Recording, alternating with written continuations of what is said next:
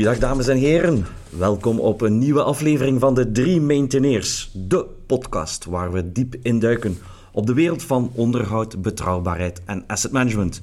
En vandaag word ik opnieuw vergezeld door onze twee co-hosts Steven Volkaart. Hallo, goedemorgen. En Karen Billet. Hallo. Goedemorgen. Goedemorgen. Steven, we zijn hier vandaag uh, op bezoek bij de NMBS. Wat hoop je te leren vandaag? Ik ben heel benieuwd om te horen toch hoe onderhoud eigenlijk eraan toe gaat voor de treinen. Iets dat toch ja, dagelijks deel uitmaakt van de dag van vele mensen. En vooral hoe de digitalisering al geëvolueerd is binnen het onderhoud. Interessant, Steven, bedankt. Uh, en Karen, welke vragen heb jij zoal voor onze gasten? Ja, NMBS, treinen. Het is iets dat heel sterk deel uitmaakt van ons maatschappelijk leven. Dus ik ben ook wel heel curieus. We houden sowieso al niet van stilstanden en pannes, maar voor een trein waar dat veel reizigers gebruik van maken, heel benieuwd te horen wat dat betekent voor beschikbaarheid en betrouwbaarheid. Uh, zoals jullie horen hebben we heel wat te bespreken. Eerst hebben we gesprek met Jimmy Quick, Senior Manager Asset Management bij de NMBS. En daarna hebben we een gesprek met uh, Ruben Kaas. Hij is het hoofd van de DSP-cel hier in de taxiwerkplaats in Melle. En uh, we gaan natuurlijk ook het atelier binnen, waar we een, uh, kijken hoe dat onderhoud gebeurt op de treinen, samen met uh, Daria Vossaert.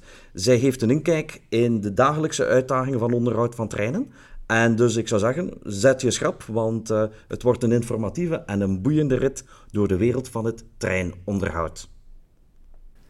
Jimmy, jij bent Senior Manager Asset Management bij NMBS Technics. Um, wat al klinkt als een hele belangrijke rol. Hoe ben je bij NMBS Technics terechtgekomen? Uh, ik ben afgestudeerd als uh, burgerlijk ingenieur in uh, 2002. ik ben toen gaan solliciteren en heb toen een vacature gezien in de centrale werkplaats van Mechelen.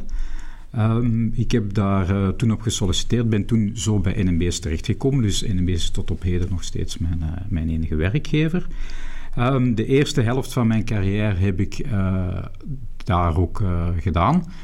Um, en ik heb daar verschillende functies gedaan. Ik heb daar begonnen met uh, de, de, studies, uh, investeringen in de werkplaats, daarna werkvoorbereiding um, en uiteindelijk uh, verantwoordelijk geweest voor de moderniseringsketting van een, van een type rollend materieel.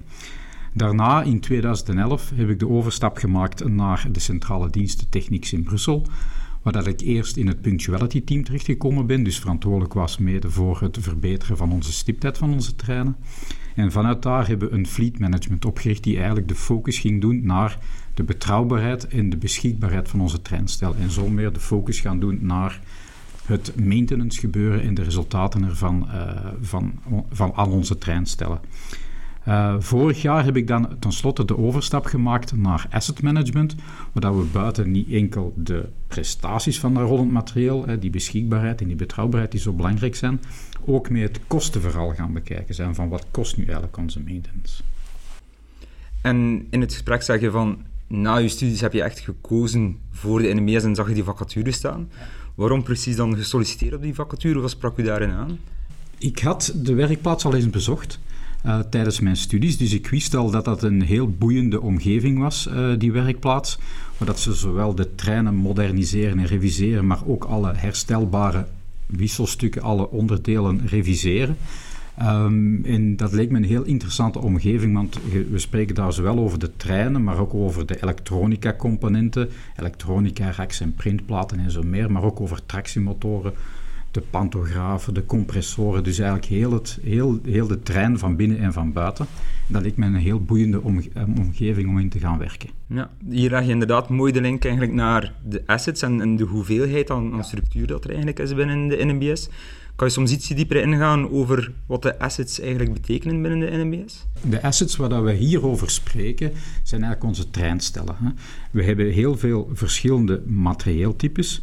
In totaal hebben we een kleine 4000 kasten die wij onderhouden, goed voor een 350.000 zitplaatsen waarmee we dagelijks onze reizigers vervoeren. Hè. Uh, per dag hebben wij een 3700 treinen die wij inleggen. En op jaarbasis uh, vervoeren wij in binnenlands verkeer ongeveer 227 miljoen reizigers. Hè. Ehm, die typisch materieel, zoals ik net zei, dat zijn veel verschillende soorten, veel verschillende technologieën. We spreken daar van locomotieven, rijtuigen en ook motorrijtuigen die als, als zelfstandige eenheid kunnen rijden. Ehm, we zijn daar aan een vernieuwingsbeweging bezig. De gemiddelde leeftijd van onze assets is een 23 jaar ongeveer. Maar het oudste materieel dat, waar dat we vandaag de dag nog steeds mee rijden, is al ouder dan 50 jaar oud. Dus dat vormt uiteraard een uitdaging voor uh, onze assets uh, in, als goede huisvader te beheren. Indrukwekkende cijfers. Ja, zeker vast. Dan ik kan me eigenlijk ook uh, voorstellen dat er wel een en ander nodig is om die brede waaier aan assets te gaan beheren. Ja.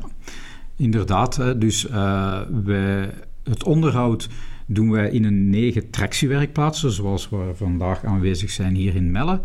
Uh, die tractiewerkplaatsen die doen het courante onderhoud van het materieel. Dus om, de, uh, op, op, korte termijn komt dat materieel binnen. Uh, om eigenlijk de, de onderhoudstaken en de herstellingen uit te voeren.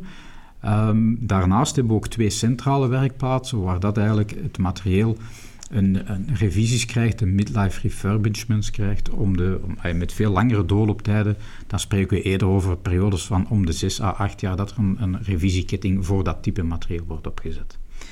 In totaal werken in onze werkplaatsen en op onze centrale diensten van de directie Technics, waar dat we hierover spreken, een kleine 5000 uh, mensen. Uh, wat een groot gedeelte is van de ongeveer 17.000 mensen die bij NMBS werken. Nu, we hebben het hier al een tijdje gehad over een, een vrij duur woord, asset management. Uh, Jimmy, zou je een even kunnen uitleggen wat dat juist voor jou betekent en, en waarom de NMBS daar eigenlijk op inzet? Asset management is uh, in eerste instantie uiteraard het goed beheer van de assets. En onder goed beheer bedoelen we het goede evenwicht vinden, de goede balans vinden tussen de kosten uh, dat, dat, dat die assets met zich meebrengen en anderzijds de prestaties die die uh, assets met zich meebrengen. Dus de betrouwbaarheid en de beschikbaarheid afwegen ten opzichte van uh, de kosten. Um, zonder daarbij uiteraard de risico's uit het oog te verliezen. Um, concreet, wat wil dat zeggen? We willen bijvoorbeeld onze beschikbaarheid van ons rollend materieel verhogen. Uh, door uh, meer te gaan werken in de, in de weekends en in de nacht en zo meer. En, en ook door op slimmere manieren te gaan werken. Waardoor dat we onze, be, onze beschikbaarheid van ons materieel in de piekuren kunnen verhogen. En daardoor uiteindelijk met een lagere uh, vloot meer reizigers kunnen vervoeren. Um, een andere zaak is uiteraard ook werken op de kosten in, uh, door het optimaliseren van ons onderhoudsprogramma. Door ook daar bepaalde activiteiten uh, minder te gaan doen indien dat zij niet echt bijdragen tot de verbetering van de prestaties. En andere activiteiten sneller, meer, slimmer te gaan doen uh, als we merken dat we daar problemen hebben. Die betrouwbaarheid en beschikbaarheid van, van wat je spreekt, Jimmy. Um dat gaat om dienstverlening naar de reizigers toe. Ik kan mij voorstellen dat daar ook afspraken mogelijkerwijs zijn met de overheid die hier een rol spelen.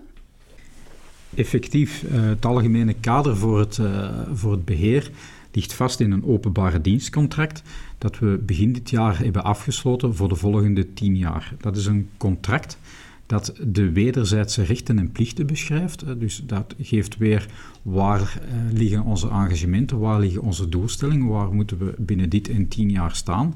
Maar dat geeft anderzijds ook ons het kader voor de financiële middelen die daar tegenover staan en dus de noodzakelijke investeringen die we moeten doen uh, voor het vernieuwen van onze assets en het beheren ervan. Oké, en hoe maak je dan nu eigenlijk de vertaling naar het, wat dat concreet eigenlijk betekent naar het beheer van uw assets rond materieel? Het beheer van, het, van de assets rond materieel, um, een van de belangrijke zaken daarin is eigenlijk het challengen van de organisatie. Um, we willen bijvoorbeeld um, onze defecten van onze treinstellen gaan mappen ten opzichte van het onderhoudsprogramma dat we doen aan die treinstellen.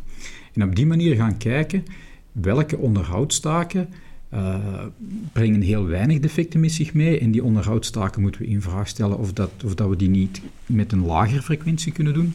Langs de andere kant zijn er bepaalde uh, defecten die zich voordoen, die zich veel te vaak voordoen, waardoor we treinvertragingen veroorzaken en zo meer. En daarop moeten we gaan inzetten om eigenlijk uh, verbeterprogramma's uit te werken of bepaalde onderhoudstaken te doen om eigenlijk daarop te verbeteren. Um, er is ook een groot verschil tussen de mogelijkheden die we hebben bij ons oud materieel en ons nieuw materieel. We gaan niet elk type materieel op dezelfde manier gaan behandelen. in die zin geeft ons nieuw materieel is uitgerust met telemetrie. Dat is eigenlijk een online systeem voor het monitoren van alle parameters. Dat materieel kan online de signalen doorgeven van wat er aan het gebeuren is op technisch gebied. Dus dat zit vol met sensoren en die sensordata die wordt continu overgemaakt. We kunnen daar alerts op creëren. We kunnen dat materieel preventief uit dienst nemen nog voordat het de exploitatie gaat hinderen. En we kunnen daar ook mee Ehm, structureel gaan werken. We kunnen daar ook veel beter gaan zien, oké, dat heeft zich voorgedaan in exploitatie. Wat was daar nu de rootkost van? Wat was daar nu het echt onderliggende probleem van? Om een goede herstelling te doen, maar ook om de lange termijn verder te verbeteren. Om te weten van, oké, welke componenten falen te vaak en moeten we een technische aanpassing op doen of onderhoudsgewijs een aanpassing op gaan doen. Dat is een technologie die relatief nieuw is, die we niet hebben op ons ouder materieel. De materieel uit de jaren 70 is daar bijvoorbeeld niet meer uitgerust.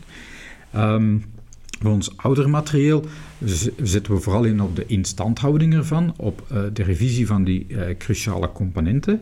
En voor ons oudste materieel, uh, dat gaat stilletjes aan buiten dienst gezet worden. Dus er worden volop nieuwe treinstellen geleverd. Um, die treinstellen die gaan we dan het oudste materieel mee uit dienst nemen. En daar voor de keuze voor het buitendienststellen van het oudste materieel gaan we ook altijd kijken van oké, welke treinstellen veroorzaken hier eigenlijk de, de, de meeste problemen? Wat heeft de slechtste fiabiliteit qua, qua voertuigen? En die gaan we dan proberen eerst uit, uit dienst te nemen. Um, voor alle types tezamen hebben we ook een structuur van, uh, van fleet engineers. Dus er zijn mensen verantwoordelijk voor de opvolging van de prestaties uh, van dat rollend materieel die fleet engineers die gaan maandelijks uh, samenzitten met een core team, bestaande uit uh, mensen van de werkplaatsen, uit mensen van de engineering, de supply chain, uh, ook van het gebruik van het materieel, dus ook van de kantbesturing.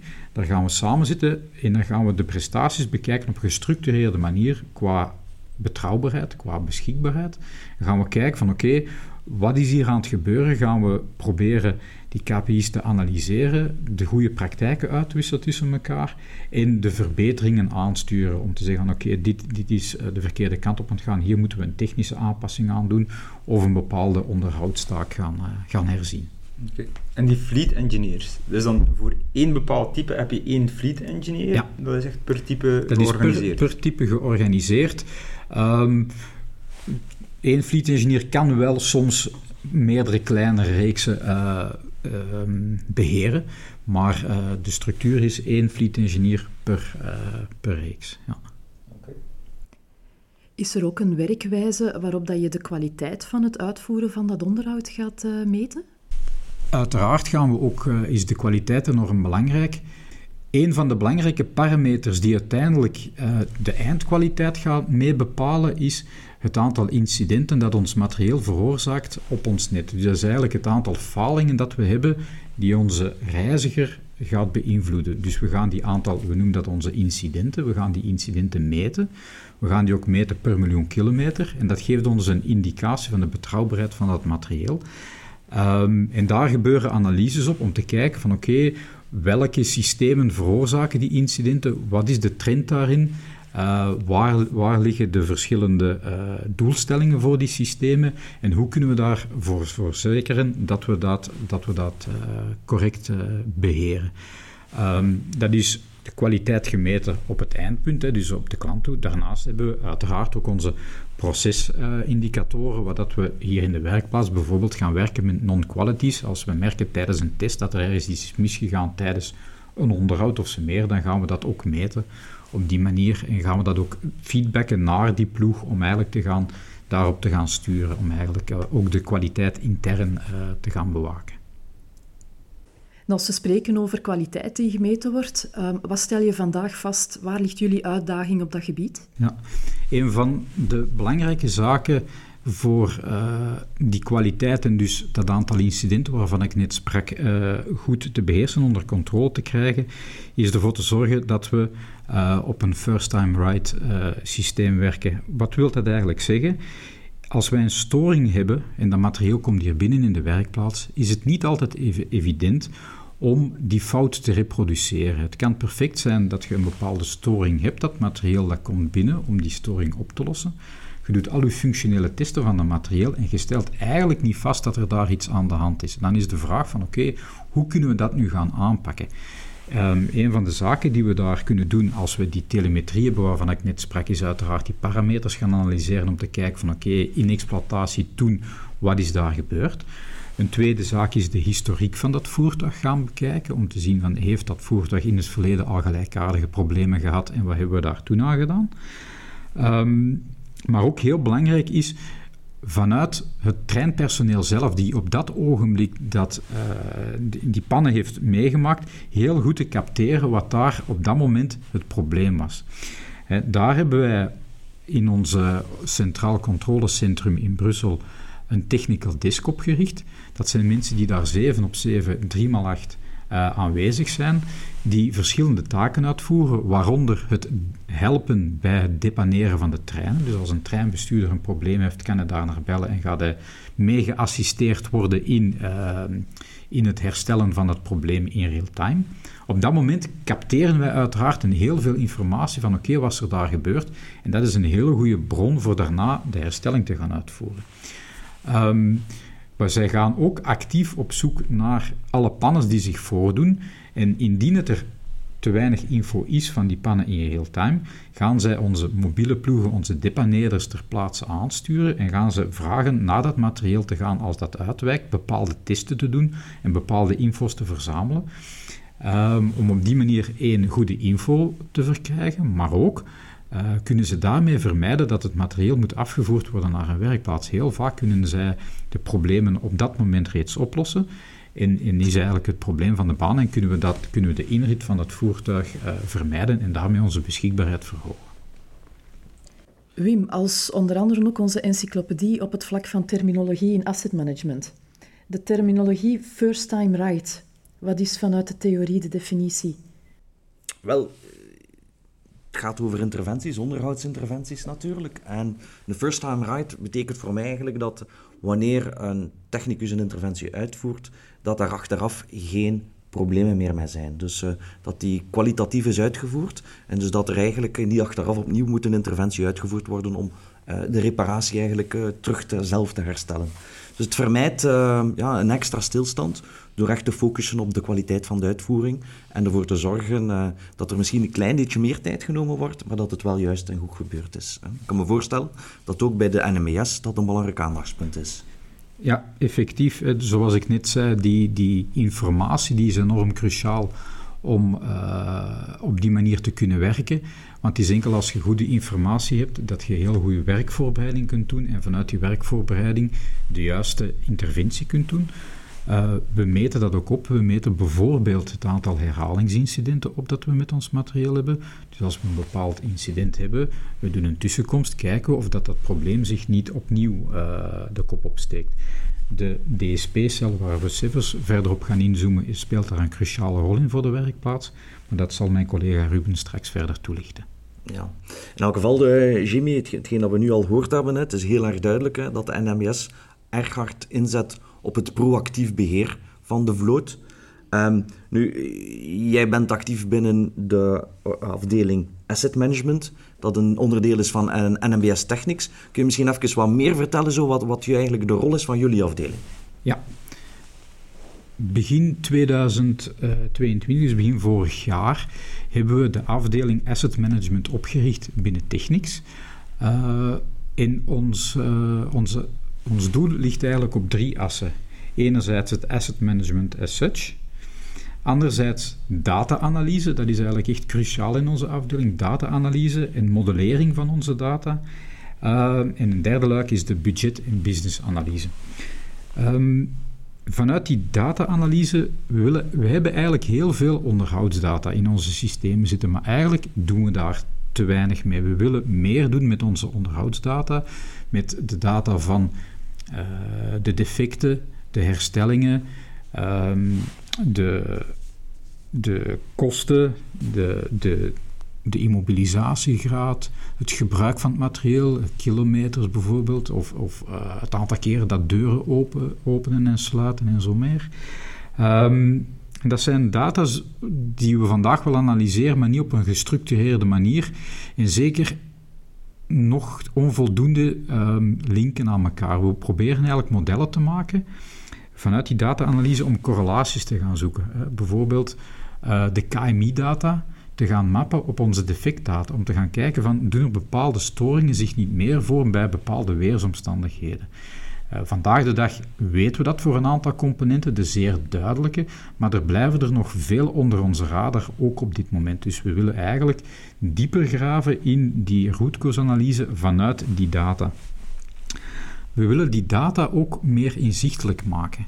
Uh, daar spreken we over het creëren van interactieve dashboards, uh, BI-dashboards, um, waarbij dat we niet enkel de data gaan visueel maken en gemakkelijk interpreteerbaar maken uh, om de besluitvorming daarachter te gaan vereenvoudigen, maar we willen ook gaandeweg overgaan naar predictieve modellen. Dat wat gebeurt er als we die parameter gaan veranderen? Wat verwachten we dat de uitkomst daarvan gaat zijn? Ook weer op die prestaties en die kosten en die risico's. Dus we willen eigenlijk modellen gaan creëren waarmee dat we meer kunnen gaan sturen en proactief kunnen gaan werken.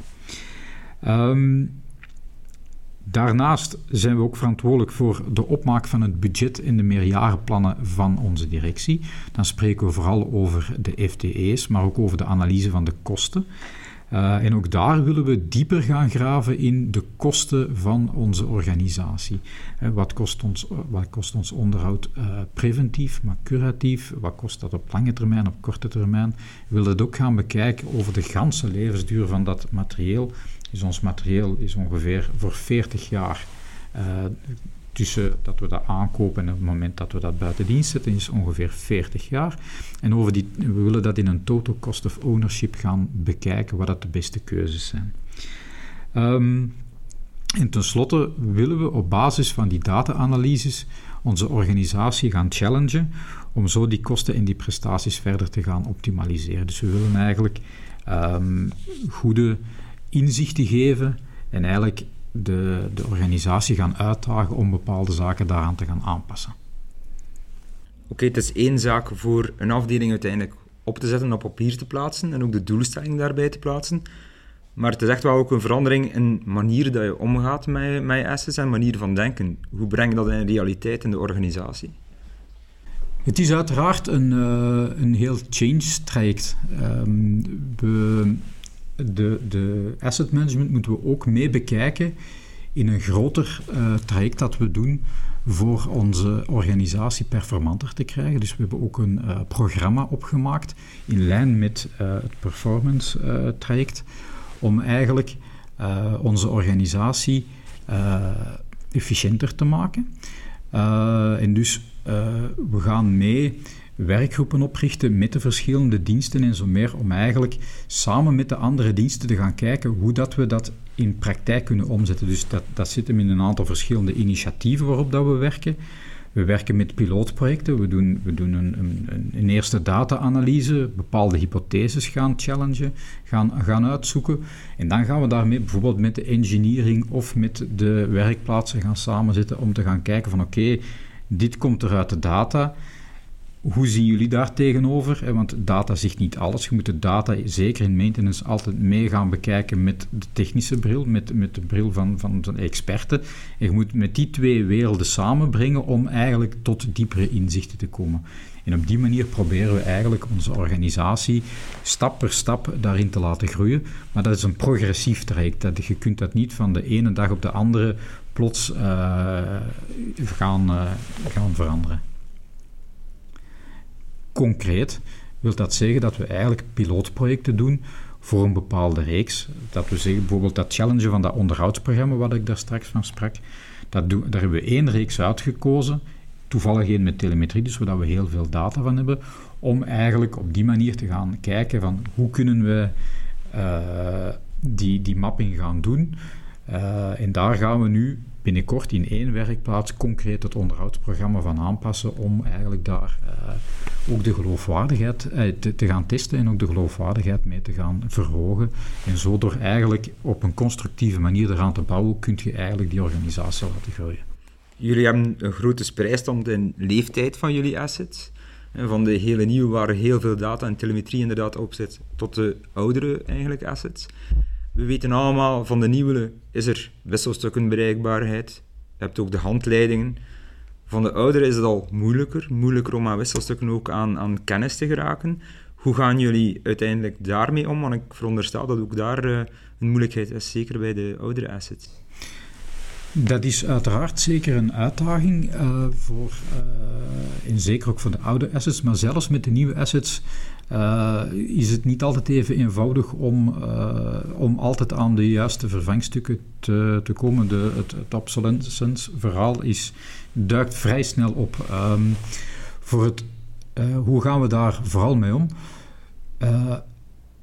We zorgen er vooral voor dat we heel veel know-how voor de herstelling van die componenten ook zelf in huis hebben. Zeker voor dat oudere materieel ook. Uh, er zijn weinig leveranciers die, die garanderen dat je 40, 50 jaar uh, aan die wisselstukken kunt, kunt komen en zo meer.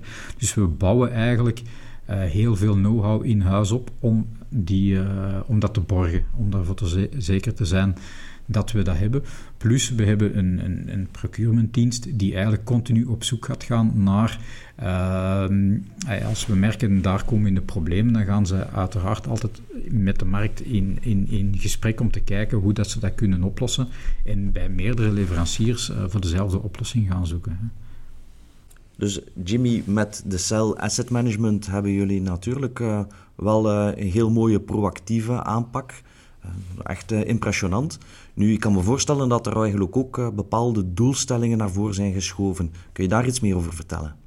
De voornaamste doelstellingen zitten in het verhogen van de beschikbaarheid van ons rollend materieel, waarmee dat we dan uiteraard ook de operationele kosten uh, kunnen doen dalen, want des te minder materieel dat je nodig hebt om meer reizigers te vervoeren, des te minder operationele kosten gaat je uiteindelijk ook dragen als organisatie. Um, en ook de verhoging van de betrouwbaarheid van ons materieel. Uh, voor die doelstellingen hebben we een roadmap opgezet voor de volgende tien jaar, waar we naar willen evolueren. Daar staan ook programma's tegenover om dat te realiseren. Die doelstellingen worden ook gecascadeerd naar de verschillende technische reeksen toe, naar de verschillende vloten toe. Eh, als we die beschikbaarheid willen bereiken, waar moet dan de beschikbaarheid van die vloot zitten volgend jaar en de jaren daarop? Um, en dat wordt ook gecascadeerd naar de werkplaatsen toe, zodanig dat elke werkplaats ook zijn doelstellingen heeft om daarop uh, te gaan sturen. En die doelstellingen worden uiteraard opgevolgd en gemonitord. Um, en de bedoeling daarvan is uiteindelijk, uh, asset management gewijs, ervoor te zorgen dat we met minder materieel meer kunnen doen en daardoor onze, uh, onze kosten kunnen, kunnen beperken in de mate van het mogelijke. En ook onze klant een goed eindproduct aan te bieden dat uh, in goede staat is, goed onderhouden is en uh, aangenaam is. Ik hoor hier een zeer heldere visie op, op vlak van asset management en maintenance, ook zeer duidelijke doelstellingen om te bereiken. Nu, dat is een en ander zeer sterk gelinkt aan mensen. Wat zou je vandaag noemen als jullie grootste challenge op dat gebied? Op gebied van mensen um, is de, het competentiebeheer uh, enorm belangrijk. Je moet weten dat, net zoals alle andere sectoren, ook wij uh, gekampt zijn met, met zeer veel mensen die op pensioen vertrokken zijn de voorbije jaren en dus massale aanwervingen om eigenlijk die technische profielen aan te trekken. Uh, we moeten er ook rekening mee houden dat, zoals ik net al zei, dat ons, ons materieel steeds complexer wordt. En we zitten met een grote productmix van zowel oude types materieel met een bepaalde techniciteit als nieuwe types materieel die, die een hele andere competentie vergen. En dat vergt uiteraard een, een grote uitdaging voor het, het, enerzijds het aantrekken van dat personeel en anderzijds het, uh, het zorgen dat zij de juiste competentie hebben om de juiste herstellingen en onderhoud te kunnen doen. En hoe pakken jullie dat dan concreet aan om mensen aan te trekken en nieuwe technische profielen eigenlijk uh, aan te nemen? In eerste instantie zetten wij vooral in op een brede communicatie over het jobaanbod dat wij hebben, omdat er heel veel mensen zijn er zich niet van bewust welke mogelijkheden van uh, functies dat er eigenlijk zijn binnen, de, binnen onze werkplaats, maar ook in de NMBS in het algemeen. Uh, we denken daarbij aan uh, een jobtrainen. We leggen een speciale trein in waar dat de mensen op kunnen gaan om de, om, om de zaak te leren kennen. We spreken over uh, Discovery Days, waar dat we onze werkplaatsen openstellen voor het publiek, zodanig dat ze ook kunnen komen kijken in onze werkplaatsen wat er gebeurt. Maar ook vooral de linken met de scholen, jobbeurzen, stages aanbieden aan, aan de mensen en zo meer. Um, en we zitten eigenlijk in een, in een traject waar we eigenlijk continu recruteren, zowel voor onze werkplaatsen als onze centrale diensten. Continu recruteren van mensen, dat betekent natuurlijk ook dat je continu aan het opleiden bent of aan het bijopleiden. Hoe, hoe pakken jullie dat aan? We voorzien een, een ruim starttraject voor onze mensen. Dus uh, in eerste instantie uh, worden komen ze in een onthaal terecht, waarbij dat ze de basiswerking van onze organisatie leren kennen. We zijn een heel grote en brede organisatie, dus het is belangrijk dat ze weten van hoe, hoe hangt die organisatie aan elkaar. Ze krijgen een introductie in onze voertuigenvloot. Wat, wat zijn onze assets uiteindelijk? Um, en ook een aantal aspecten rond kwaliteitszorg en zo meer. Daarna uh, gaan ze in een traject van een, van een basistraining, een technische basistraining, waarbij dat zij de technische componenten in de voertuigen gedetailleerd leren kennen.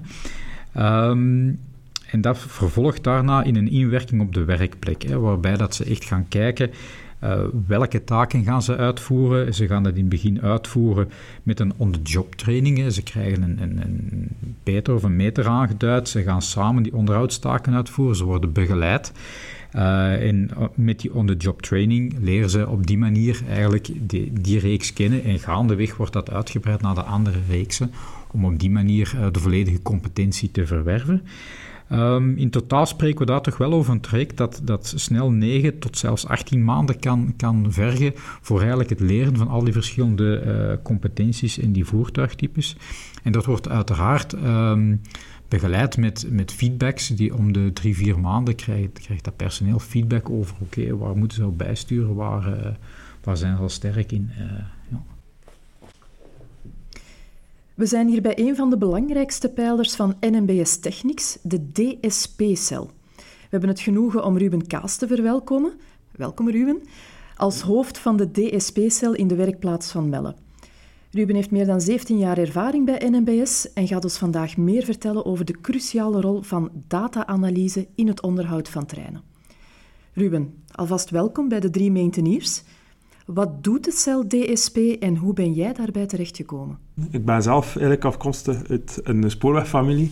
Ik had een onkel die machinist was, ik had een vader die onderstationschef was, een onkel die rangheder was. En zo was de keuze voor mij voor NMBS heel gemakkelijk.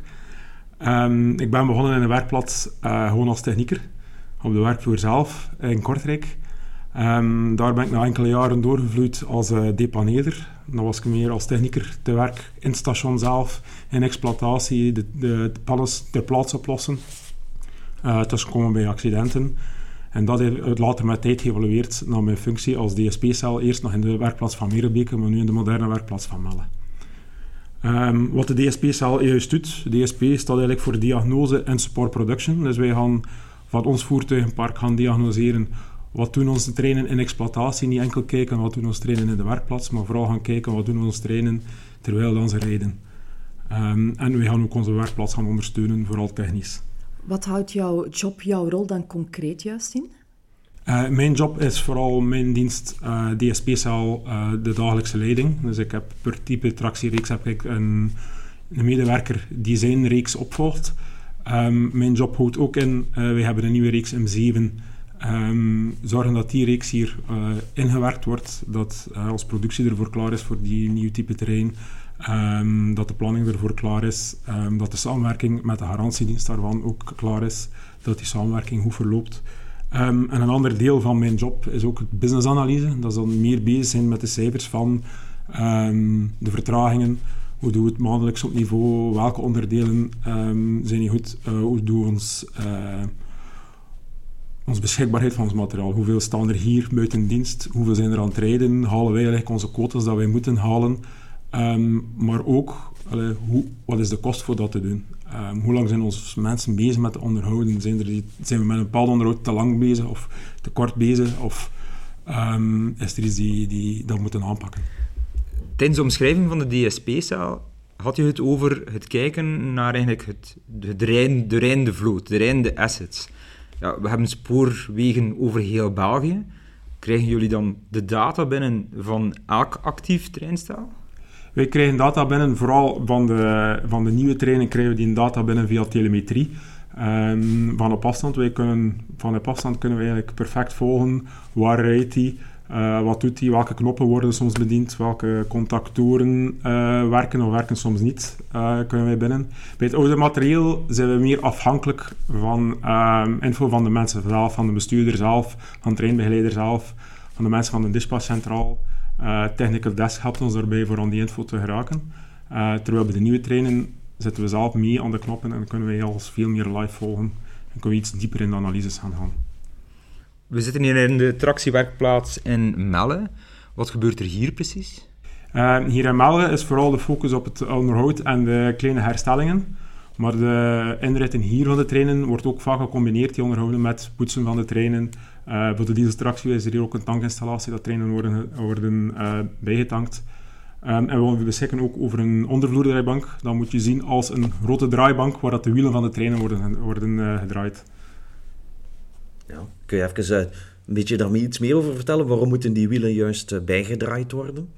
Wielen hebben ook een bepaalde levensduur. En voor die levensduur echt mooi lang te krijgen, worden in ieder om de zoveel tijd gemeten worden gedaan en die krijgen een systematische herprofilering. Ook gebeurt het soms dat een wiel uh, een plat vlak kan hebben. Uh, bij na sommige noodremmingen of in bepaalde periodes hebben we daar meer last van. Uh, dan worden die extra een keer naar de vloerdraaibank gedaan voor terug de rondheid te hebben van de wielen. Aangezien dat we het hier hebben over toestellen die dat mensen moeten vervoeren, is hier ook nog een extra complexiteit naar keuringen of, of wettelijke vereisten toe? In verband met een link naar veiligheid misschien? Al onze mensen hebben een bepaald opleidingstraject gevolgd. Die, kregen ook, um, die worden ook gevalideerd uh, voor uh, een opleidingstraject af te ronden. Zo hebben we voor, bijvoorbeeld uh, het veiligheidssysteem die op de trein zit in ITCS. Dan hebben ze daar een bepaald certificaat voor, voor te mogen ofwel onderhoud erop doen, maar een apart certificaat voor te mogen herstellingen erop te doen. Waarom of wanneer komt er een treinstel bij jullie in de werkplaats binnen? En als die binnenkomen, van, ja, hoeveel werktijd neemt het onderhoud of de herstelling van het treinstel ongeveer gemiddeld uh, in beslag? Dat is een beetje afhankelijk van welk type trein uh, dat we hebben. Zo hebben we bijvoorbeeld uh, onze De Zero-trein. Die wordt onderhouden volgens een TIM-13-principe. TIM staat voor Timetable Integrated Maintenance. Dus wij gaan eigenlijk de trein gaan onderhouden als deel van de dienstregeling. Dus een trein komt alle minimum alle 13 dagen binnen in de werkplaats. En we gaan die gaan onderhouden over een kleine periode van 4 à 6 uur. Dat hangt een beetje af van het slot. Maar uh, met de focus dat we hem vooral onderhouden in de daluren. Zodat we die trein terug kunnen gaan inzetten in de, piek, in de piekmomenten waar, dat een, de een stuk groter is. Binnen de herstelling heb je vooral gesproken eigenlijk over de nieuwere reeksen. Hoe gaat het eigenlijk met de, met de oudere reeksen, aangezien dat jullie zo'n grote range hebben van, van leeftijden van treinstellen? Uh, bij de oude reeksen doen we meer een klassiek onderhoud. Dus dat wil zeggen dat de trein eigenlijk uit de dienstregeling wordt genomen, naar de werkplaats wordt gestuurd voor zijn herstelling of zijn onderhoud. Uh, onderhoud is dan ook een veel groter pakket in één keer dat wij doen. Dat is dan ja, soms een volledige dag tot een paar dagen dat we bezig zijn aan een onderhoud. Um, en dan wordt hij terug in de in exploitatie gezet uh, een tijdje later. Maar voor een defect komt hij ook terug apart binnen. Terwijl bij de TIM-onderhoud, bij de nieuwe reeksen, wordt zowel het preventieve als het correctieve, de herstellingen als het onderhoud, proberen we in één inrit te doen. Ik hoor een hele sterke link met de dienstregeling. Hoe zorgen jullie dat dat perfect gestroomlijnd loopt? Uh, we hebben bepaalde draaiboeken op de werkplaats. Um, bijvoorbeeld een inrit van Desero weten wij, een eerste slot, dat is van dat uur tot dat uur. Wij hebben zoveel tijd voor hem te onderhouden, er is zoveel tijd voor hem te rangeren. En op die moment komt de machinist toe, want die heeft ook nog zijn tijd nodig voor de trein klaar te maken en voor de trein te vertrekken. Dus we hebben bepaalde uh, draaiboeken dat wij staan hebben van dit moet volgens dat principe verlopen. Meer dan enkel gewoon het onderhoud uitvoeren? Meer dan enkel gewoon het onderhoud uitvoeren. En in die periode moet een trein ook nog een keer gepoetst worden. Dus dat komt er ook nog tussenin ik merk hier toch zo stilaan een uh, brede waaier aan rollen, verantwoordelijkheden en toch best wel enige complexiteit op in alles wat ik uh, verneem. Het gaat hier over, over data, het interpreteren van data, uitvoeren van onderhoud. Er wordt preventief genoemd, um, curatief genoemd. Dan hebben we ook nog het gegeven dat een trein op de openbare weg komt. Dus ik kan mij voorstellen dat daar nog een link is naar veiligheid. Um, wat zijn zo de verschillende profielen die je aan het werk hebt in de werkplaats? We hebben zeker verschillende profielen. En zoals gezegd voor de veiligheid, we hebben ook een ECM-verhaal bij de NMBS. Dus Entity in Charge of Maintenance. Dus we moeten, uh, niet iedere, iedere persoon mag dezelfde handelingen doen. Uh, wij hebben planningmannen die het werk gaan, gaan inplannen. Die zorgen als een trein toekomt um, dat uh, de juiste techniekers worden ingepland, dat de juiste mensen worden ingezet. We hebben teamleaders die hun team gaan begeleiden en gaan ondersteunen. Um, dan hebben we onze techniekers zelf. Dat zijn vooral hoofdzakelijk mechaniekers en elektro's die het onderhoud en de herstellingen zelf gaan uitvoeren. Maar we hebben op ons site zelf ook uh, de rangheerders die de treinen binnen, buiten plaatsen. Um, we hebben de industriële seinpost. Op de site van Melle zelf bedienen wij ook zelf onze wissels, zelf onze seinen um, in eigen beheer. Dus die mensen hebben ook zicht over onze site. We hebben ons poetspersoneel. Dat doen wij hoofdzakelijk doen wij de coördinatie. Wordt door privé wel meer en meer uitgevoerd. onze ondervloerdraaibank, ondervloerdraaibank, zoals ik al gezegd had, hebben we hier ook. En onze DSP-cel en andere ondersteunende diensten. En over hoeveel mensen spreken we dan ongeveer voor deze werkplaats? Voor onder Melle werken ongeveer een kleine 300 man. Uh, daarvan hebben we een veertigtal in buitenposten, zoals onze depaneerders, uh, poetspersoneel op, uh, op, op afstand, schouders op afstand, maar in de werkplaats zelf een kleine 250 mensen die hier werken. Als we kijken naar de techniekers, koppel het nu nog eens rechtstreeks naar het, naar het uitvoerend onderhoud zelf. Hoe, weten, hoe komen zij te weten welke taken zij verwacht worden om uit te voeren?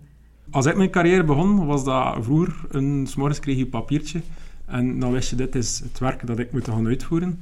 Uh, dag van vandaag werken wij met tablets. Um, iedere technieker heeft zijn eigen tablet. De planning plant het in uh, op zijn computer en de technieker krijgt op zijn tablet zijn taken die hij moet uitvoeren. Ook op die tablet kan hij die taken gaan valideren, kan hij die, die taken gaan afvinken, kan hij de details van de taak gaan zien, kan hij de werkinstructie van die taak gaan raadplegen. Um, kan ook de defectmeldingen, uh, kan hij ook daarop raadplegen op zijn tablet. Bijvoorbeeld zelf DSP heeft bepaalde meldingen extra info gegeven. Die info is ook op zijn tablet rechtstreeks raadpleegbaar. Is die tablet op die moment ondersteunend? Zijn er vaste contactmomenten ook tussen planner en technieker? Of kunnen die mensen eigenlijk quasi autonoom aan de slag als ze s morgens binnenkomen? die kunnen uh, autonoom um, starten als ze binnenkomen. We hebben ook bepaalde teamworkmomenten nog uh, tijdens de dag, dat er uh, communicatie is tussen de teamleader en, um, en zijn techniekers. Um, maar in principe kan een technieker, als hij toekomt, zijn tablet kijken, dat is mijn taak dat, dat ik heb, de trein staat binnen, ik kan aan die taak beginnen. In veel van de industrieën, ja, het, het, het personeel van technieker is wel heel divers aan het worden. Ja, het is niet meer zo evident om puur uit te gaan dat iedere technieker de Nederlandse taal uiteindelijk zijn, als zijn hoofdtaal heeft of machtig is. Zeker in digitalisering is dat wel een uitdaging. Hoe gaan jullie daarmee om? Of kunnen jullie op dit moment nog sturen op het feit dat iedereen uh, Nederlandstalig is?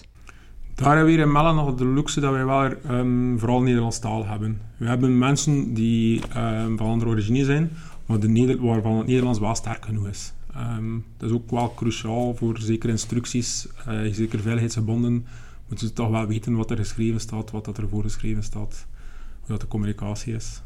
Denk aan de rangheerdienst, daar is communicatie heel cruciaal. Um, daar in Nederlandse taal wel um, een belangrijke rol. We hebben nu de verschillende taken eigenlijk ook een beetje gehoord rond het onderhoud eigenlijk van, van de trein staan.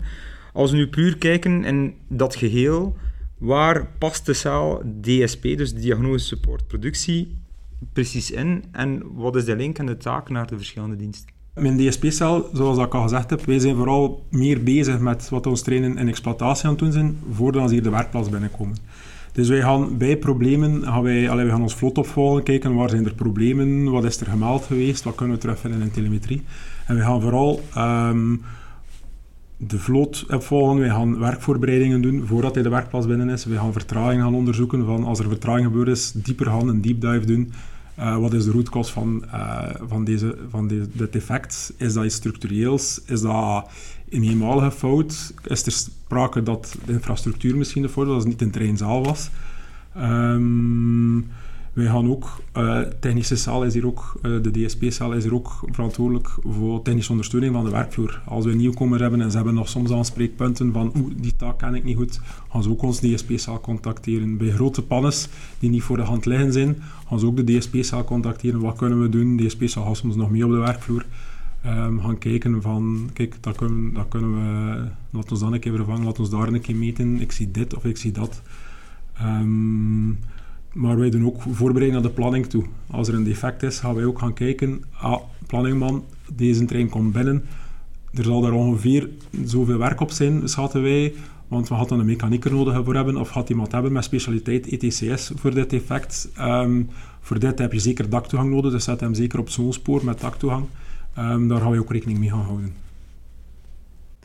Als ik kijk naar de praktijk, om het, om het is van end-to-end visueel te maken. Wat gebeurt er als er op de rails ergens een trein toch een storing heeft en die valt uit? Welk proces schiet dan in werking? Ja, dat wordt gemeld en wij kijken naar onze meldingen en wij zien, oké, er is een vertraging. Wij gaan, gaan, gaan onderzoeken.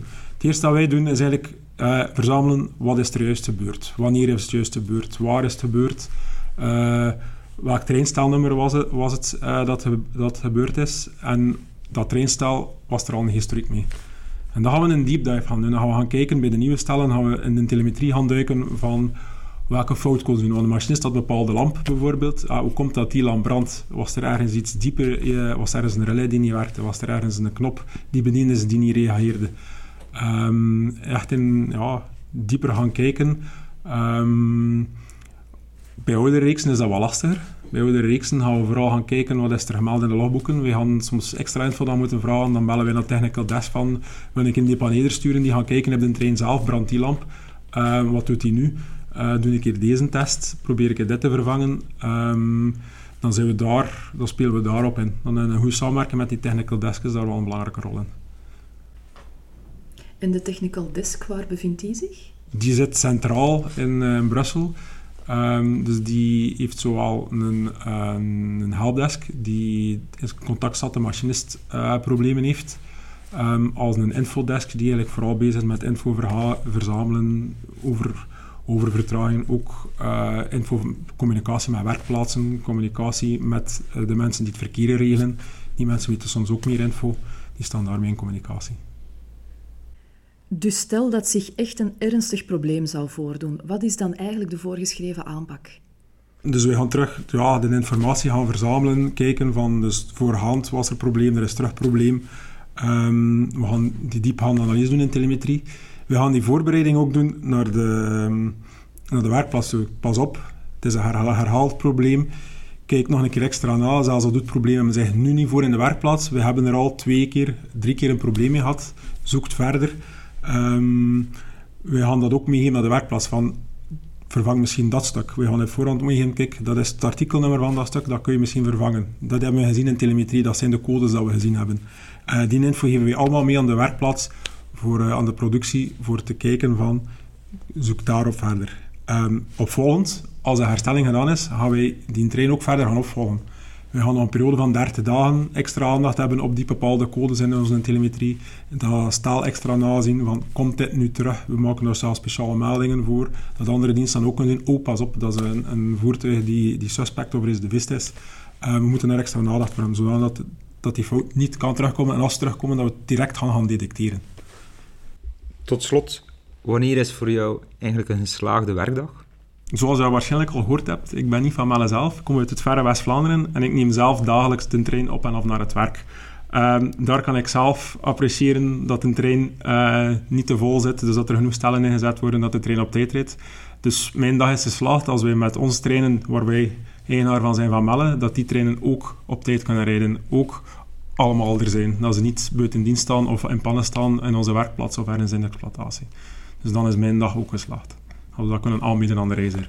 Dus als je dag niet geslaagd is, dan word je gewoon langer op het werk gehouden, want je trainer niet. Dat is ook waar.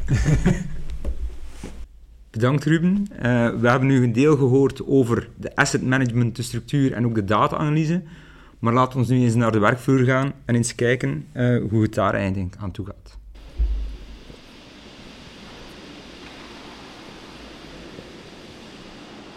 Ruben, kan je nog eens beschrijven voor ons wat gebeurt er nu effectief in deze tractiewerkplaats in Melle vanaf het moment dat een trein zich aandient? Uh, dus een trein komt bij ons de site binnen. Uh, staat op een spoor waar wij al dan niet de trein al kunnen gaan, reinigen. Dat is poetsen, toiletten ledigen. Um, daarna wordt die trein platgelegd. Uh, de rangheder komt met zijn rangeermachine de trein aannemen en zij plaatst de, de, trein binnen in de werkplaats. Daar doen wij onze herstellingen, ons onderhoud. Um, nadat wij de trein vrijgeven voor terug buiten te plaatsen na de werken, wordt hij terug buiten geplaatst. Al dan niet opnieuw aan een, aan een reinigingsplatform te zien, te zeggen dat dat voorhand gedaan is. Um, en dan doen wij daar nog ons finale voertuigtesten op. Dus kijken is de trein terug klaar voor het commercieel te gebruikt worden, staat alles terug in dienst, is alles veilig, veilig in orde. En daarna kan de machinist op de trein en kan zijn trein klaarmaken en terug vertrekken. Dus dat betekent dat je niet één trail of één spoorlijn hebt lopen van, van A tot Z, maar dat je meerdere plaatsen toewijst? Ja, wij hebben een hele bundel. Dus wij hebben verschillende sporen. We hebben sporen met bovenleiding, zonder bovenleiding. Maar we hebben ook dieseltreinen, elektrische treinen. En naar gelang welk werk dat er moet uitvoeren, plaatsen we op spoor A, spoor B. Um, dat hangt af van, uh, ook in de, in de werkplaats hebben we ook locaties waar we trein kunnen lichten, waar we treinen met daktoegang hebben. Naar gelang wat dat we moeten doen, wordt op een bepaalde locatie geplaatst. Wat bedoel jij juist met een trein plat liggen? Um, dat is uh, trein uh, de spanning wegnemen, um, zodanig dat er geen voeding meer is van de bovenleiding en uh, zodanig dat wij de trein op een veilige manier kunnen binnenplaatsen. En wat gebeurt er als jullie klaar zijn? Als jullie zeggen onderhoud gedaan, in orde, die mag terug operationeel? dus de teamleider kijkt eerst naar is alles wel effectief gedaan. Um, wij doen nog een, een laatste check van zijn alle testen goed, is alles terug in dienst. Um, en daarna wordt hij uh, vrijgegeven en kan, uh, wordt doorgegeven, kijk, de trein is klaar, kan de machinist erop en kan hij vertrekken. Wat gebeurt er dan juist op het moment dat jullie klaar zijn, dat de trein in orde is? Uh, eerst vooral gaat teamleader of planning gaan kijken van is alles effectief gedaan, is alles afgecheckt, zijn onze werken klaar. Als hij buiten staat, gaan we nog gaan controleren, is, alle, is alles terug in dienst, is alles terug veilig voor te rijden, de checklist wordt afgelopen, uh, het voertuig wordt vrijgegeven, klaar voor gebruik. En dan kan de machinist erop en kan de machinist zijn trein meenemen en uh, klaar, klaar voor te rijden, voor een exploitatie te gaan. Zitten daar ergens momenten tussen dat het kan, kan opblokken? Dat er te veel op dezelfde moment, op dezelfde fase zijn? Uh, dat kan zeker. Dat proberen wij zoveel mogelijk te vermijden. Dan is het een kwestie van te schakelen. Um, soms hebben we ook nog reservestellen staan. Kunnen wij zeggen, oké, het is nu te druk, we gaan een reservestel dat al klaar is um, gaan inzetten. Um, gaan we een switch gaan doen. Gaan we ons, als, we, als we dat kunnen voorspellen, gaan wij ons onderhoud anders gaan inplannen. Gaan we zeggen, oké, die pakketten nemen we de volgende inrit mee. Zodanig dat op die piekmoment uh, dat we wel al onze uitritten gaan halen. Dat alle treinen beschikbaar zijn. Hoeveel tijd is er tussen het moment van het afmelden van het onderhoud en de machinist moet hier zijn om die trein terug mee te nemen? Daar kan al rap een uur tussen zitten. Dus tegen dat een trein uh, buiten staat, zijn we al enige tijd kwijt. Tegen dat wij nog die testen doen, zijn we enige tijd kwijt. Um, en, en, tegen het afmelden, dat is ook een proces dat je moet meenemen in die draaiboek voor te zorgen dat niet enkel het onderhouden, maar ook het verplaatsen en het klaar, klaarmaken van een trein heeft ook een belangrijke tijdspanne. We wandelen hier binnen in een werkruimte. Ik ben al uh, instant onder de indruk. Een ruime, lichte omgeving. Ziet er ook zeer geordend uit. Wat is zo wat de basisindeling van deze werkatelier? Um, de werkplaats kun je vooral in twee zones uh, opsplitsen. Dus we hebben de ene kant waar dat vooral de elektrisch materiaal wordt onderhouden, waar wij dakplatformen hebben, omdat we veel uh, materialen op het dak zetten. De andere kant van het lee is meer voor de dieseltractie. Alles zit meer onder in het terrein waar we ook puttoegang hebben. Um, in het midden hebben wij ook nog een afspuitstand waar wij bijvoorbeeld trainen, technische reiniging kunnen doen. Uh, dan hebben wij in het midden ook nog lichtingstanden waar we de trein kunnen lichten. Als we grote stukken moeten vervangen van onder de trein. Um, ja, het is een, een, grote open ruimte, maar toch elk, elk spoor heeft zijn specifieke doeleinden. Hoeveel treinstellen kan je hier nu gelijktijdig binnenplaatsen om aan te werken? Uh, we hebben 17 sporen. Uh, op de dieselsporen kan er zowel een motorwagen 41, uh, dat is een trein met twee kasten, en nog een, daar kan ook nog een, een diesellocomotief achter. Dus kunnen wij drie kasten zetten. Um, op onze uh, elektrische sporen hebben we een spoor of vier waar overal één, één stel van drie kasten binnen kan. En op onze lange sporen kunnen wij zes tot zes kasten plaatsen.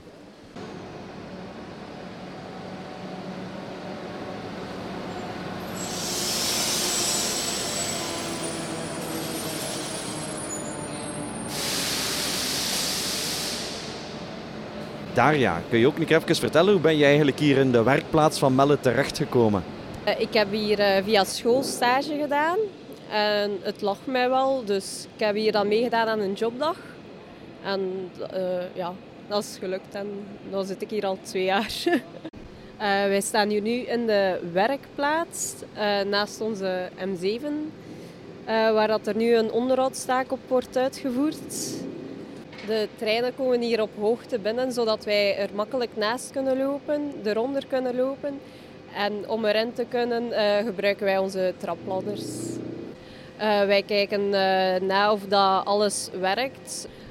onder andere testen wij de deuren, kijken we of dat er geen lekkages zijn. Wij doen ook remproeven, zodat we zeker zijn dat de remmen werken. We kijken ook naar of dat alle boordmateriaal aanwezig aanwezig is, zoals noodhamers, brandblussers en zo. Want dat is ook wel belangrijk. Hoe begin je eigenlijk aan zo'n onderhoudsjob? Uh, bij de teammeetingen s morgens krijgen wij uh, uitleg over wat dat er moet gebeuren en de taken dat, ons toegewezen, uh, dat wij toegewezen krijgen, komen op onze tablet terecht. en ja, dan kijken wij welke onderhoudstaken of GS-taken dat wij gekregen hebben. Dus wij werken met puntingen. Uh, zoals hier bijvoorbeeld staat er onderhoud 1 binnenkant kast. Uh, dan staat er daar ook in uh, wat dat er in dat onderhoud hoort. En dan voeren wij die taken uit. wij moeten onder andere kijken naar of dat de brandblussers nog op datum zijn. Of dat onze zanding nog gevuld is. Uh, of dat alles nog werkt in de stuurpost onder andere. Of dat de zetels niet te vuil zijn, anders vervangen wij die ook. Ja, of dat inderdaad alle deuren marcheren. Of dat er uh, de onderkant bijvoorbeeld, of dat daar nog alles oké is. Wat zijn zo zaken die kunnen fout zijn bij de onderkant van een trein? Wat ben je zo allemaal tegen al gekomen? En, uh, en... Uh, bijvoorbeeld uh, de remzolen dat te klein worden. Of een vering dat uh, gescheurd is dat dan ver, vervangen moet worden. of dat alle kabels nog correct zijn aangesloten. Kijken wij ook naar onder andere. Ja, eigenlijk kijken gewoon naar heel de trein. Of dat alles nog is hoe dat moet. Kun je mij een keer vertellen, op het moment dat je dus dat onderhoudstaak klaar hebt, wat gebeurt er dan? Um, wij communiceren dat dan naar de ploeggeleider en hij kijkt dan uh, of dat alles uh, dat moest gebeuren uitgevoerd is geweest door de collega's en zo. Um, dan vraagt de ploegleider die eigenlijk buiten, zodat er daar nog een laatste testen kunnen gedaan worden voor een veilig vertrek naar de reizigers. Ik kan me voorstellen dat dat dus eigenlijk wel belangrijk is. Ja, toch wel. Uh, het is uh, voor de veiligheid vooral, uh, voor de reizigers, zodat zij ook een comfortabele reis kunnen maken met de trein. Wat, wat, maakt voor jou een geslaagde werkdag? wanneer dat de treinen goed en veilig terug buiten kunnen zo, en dat ze op tijd bij de reizigers geraken, zodat ze een goede en veilige reis kunnen maken met de trein.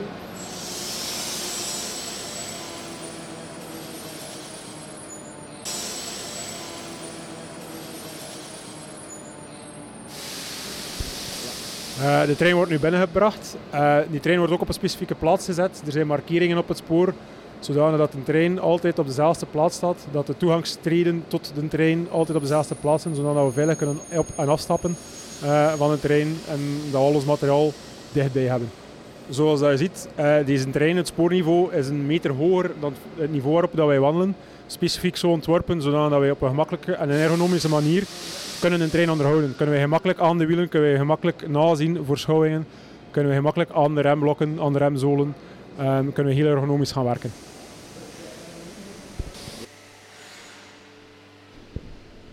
Dag Alain, we staan hier in de werkplaats uh, van de NMBS, in uh, de tractieplaats van Melle. Kan je ons een keer uitleg geven over waar we hier precies staan? Wel, hier zijn we aan uh, het OVD-gedeelte. Uh, OVD wil zeggen ondervloer, draaibank. Uh, dus de trein komt hier overgereden. Wij halen die binnen met de rangeermachine.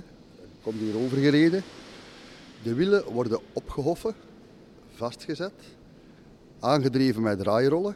En zo worden de wielen geherprofileerd. En hoe krijgen jullie jullie planning door? Van hoeveel wielen worden er zo geherprofileerd uh, per dat dag? Is een gemiddelde van uh, zes, wielen, uh, zes assen. Want de, de wielen worden samen geherprofileerd. Dus één as zijn twee wielen en de wielen worden samen geherprofileerd.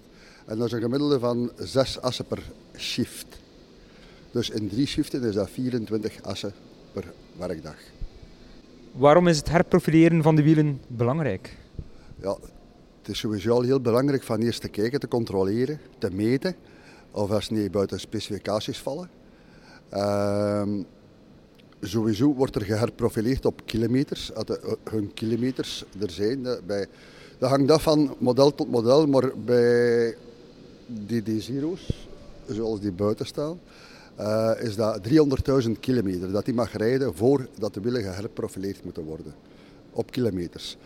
Als er iets anders aan is, voor de 300.000 kilometers, dan uh, wordt er uh, gekeken wat, misschien barstjes, scheurtjes. En dan nemen wij zoveel af dat nodig is, totdat het wiel terug in kwalitatief goede staat is. Hoeveel maal kan je een wiel herprofileren? Wel, uh, herprofileren op kilometers nemen wij 3 mm af op diameter. En stel dat je ongeveer uh, een 30 mm kan afnemen, kan je dat 10 keer doen, dus dat wil zeggen 3 miljoen kilometer. Het lijkt mij een job waar er heel veel ervaring en kennis ook voor nodig is. Hoe raak je aan die kennis? Hoe kan je opgeleid worden in deze specialiteit? opleiding gaat over van uh, werknemer tot werknemer. Ik heb ook mijn opleiding gedaan hier bij drie mensen. Die aan mij alles hebben uitgelegd. En uh, ja, ik geef ook die kennis dan verder aan, verder aan uh, iemand nieuw hier ook, nu.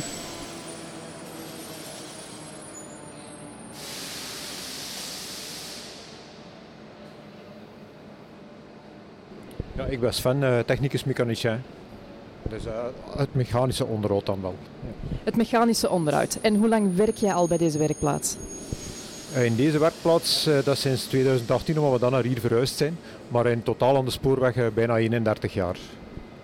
Wat ben jij op deze moment aan dit treinstel aan het doen?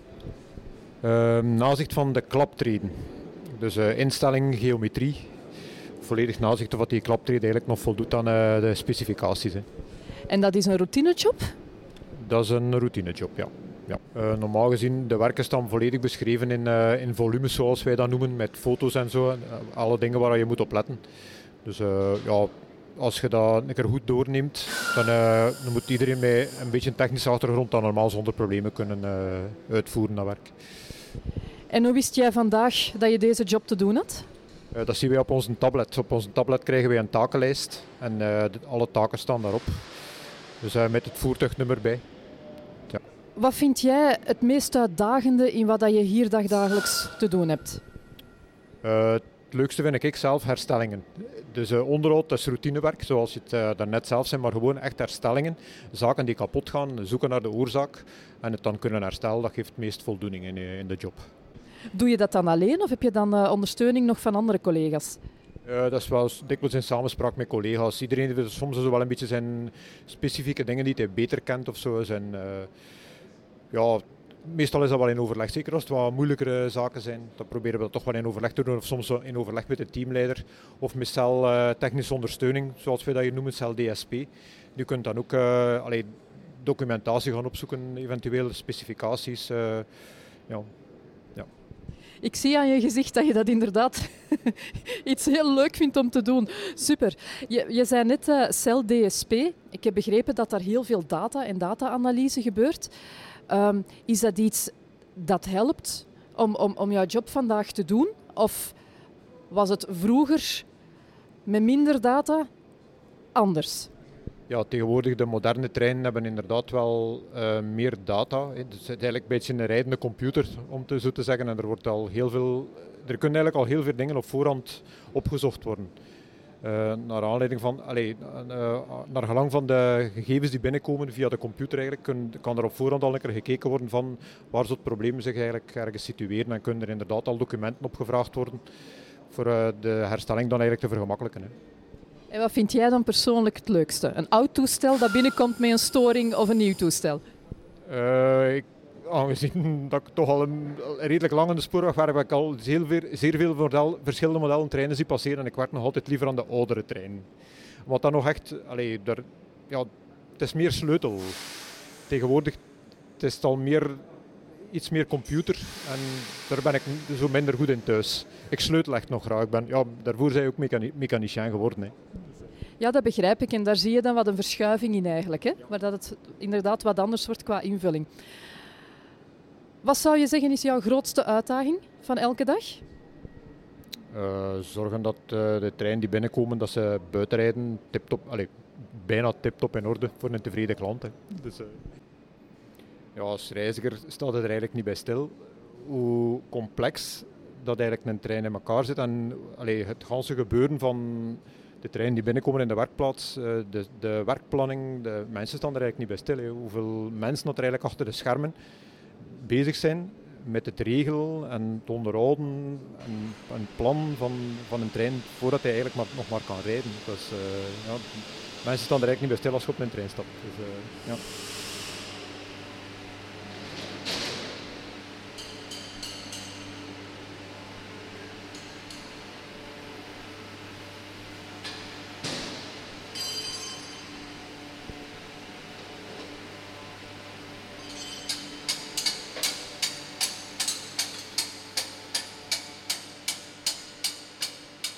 Onderhoud van de chauffage zijn we aan het doen.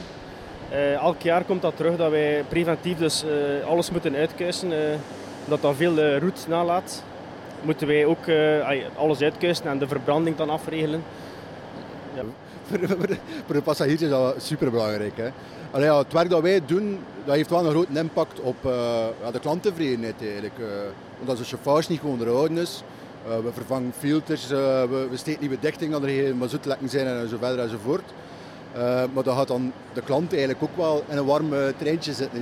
Liever dan, dan een koud treintje natuurlijk.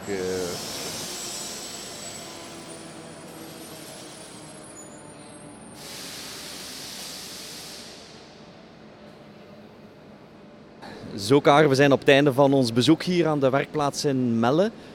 wat zijn voor jou de grote takeaways? Wat mij vandaag bijzonder is opgevallen, is het gebruik van data. Heel veel data om van daaruit echt te gaan sturen, zowel lange termijn als korte termijn. En dan stuur je niet meer blind, hè. dan kan je heel gericht gaan impact hebben. Dat vond ik een hele mooie takeaway van vandaag. En voor jou, Steven, wat waren voor jou de belangrijke leerpunten, de belangrijke inzichten die we meegekregen hebben? De grote digitalisering uiteindelijk van heel hun assetbeheer. Van zowel de assets die 40 jaar oud zijn als de hedendaagse assets en hoe ze daarmee omgaan en hoe ze ook hun eigen personeel daarvoor opleiden. Ik vond het heel indrukwekkend. Ja, het is echt wel duidelijk hè, dat de NMBS eh, vandaag de dag goed weet hoe dat ze met een treinstellen moeten omgaan. Dat ze daar een lange termijnvisie op hebben, dat ze daar een plan op hebben om ja, die beschikbaarheid naar omhoog te krijgen, kosten te beheersen. En uh, ze is heel erg professioneel. En dus een dikke, dikke pluim voor de NMBS. In a world where machines turning, huh? Three heroes stand at work, never done. With tools in hand and minds sharp as steel. They give you inspiration, that is the deal. Vanaf nu trekken we elke maand naar een gastbedrijf en openen we de deur naar de fantastische wereld van maintenance. Volg ons op je favoriete podcastkanaal en tot binnenkort. Ook geïnteresseerd om de drie maintainers te ontvangen op je werkvloer? Contacteer dan BEMAS. So here's to the trio in their podcast show. Illuminated paths where you have to go. In a world that moves, they stand firm and true. The three maintainers, the maintenance, they salute. The three maintainers, to maintenance, they salute.